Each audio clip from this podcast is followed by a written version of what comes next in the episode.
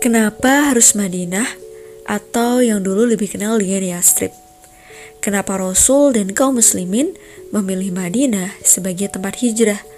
Kenapa tidak Yaman atau ketujuan hijrah pertama, yakni Habasyah?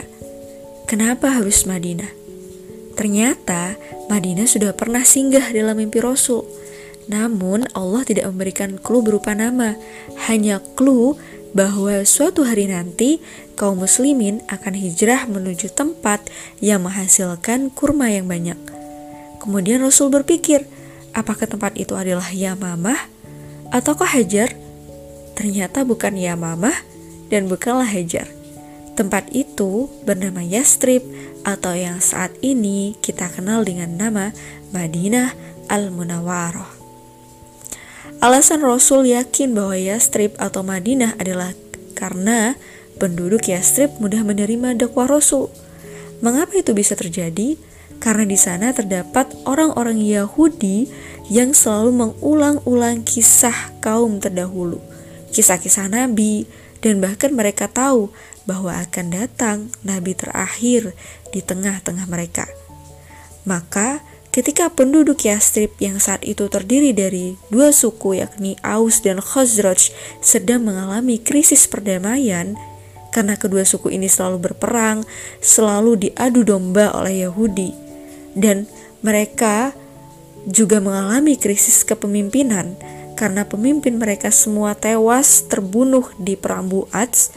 Pemuda-pemuda dua suku ini akhirnya berpikir untuk berdamai dan mencari lelaki yang diberitakan oleh orang-orang Yahudi sebagai nabi terakhir itu untuk kemudian mereka pilih sebagai pemimpin mereka. Mereka berharap dengan bertemunya mereka dengan laki-laki yang disebut oleh orang Yahudi sebagai nabi terakhir, harapannya adalah lelaki ini bisa membuat perdamaian antara suku Khazraj dan suku Aus yang sebelumnya saling berperang dalam perang Buats. Lelaki yang diberitakan oleh orang Yahudi ini adalah bukan lelaki sembarangan. Itulah yang mereka pikirkan saat itu. Mereka memiliki harapan yang besar terhadap Rasul Muhammad SAW, tapi mereka tidak tahu siapa nama lelaki ini dan seperti apa wajahnya. Akhirnya, pergilah enam pemuda Yastrib menuju Mekah. Ternyata benar. Ketika enam pemuda Yastrib menuju Mekah dan bertemu Rasul Muhammad SAW, mereka langsung jatuh cinta pada Rasul. Jatuh cinta pada ucapan-ucapan beliau, tingkah laku beliau, dan tentu jatuh cinta pada kalam Allah.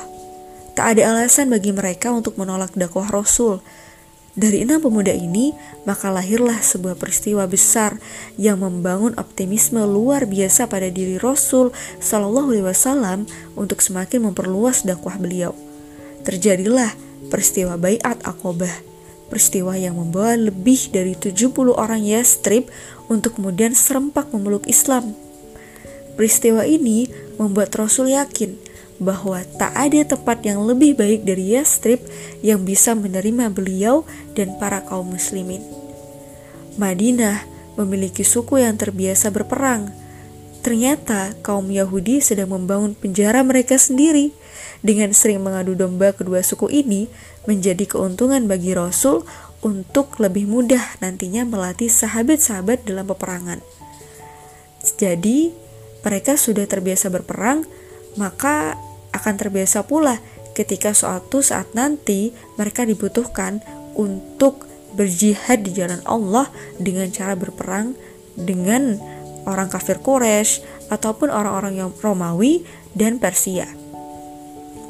Madinah memiliki letak geografis yang kokoh dan aman dari serangan. Allah merancang Madinah sebagai tempat yang sulit ditembus oleh musuh, karena kota ini terhimpit gunung-gunung yang terjal. Madinah telah Allah siapkan jauh-jauh hari untuk menjadi sebuah tempat yang tanah dan langitnya menjadi saksi 10 tahun perjuangan Rasul dan para sahabat untuk mengubah wajah dunia ini lebih dari seribu tahun ke depan. Kenapa Madinah? Karena inilah tempat yang Allah ridhoi.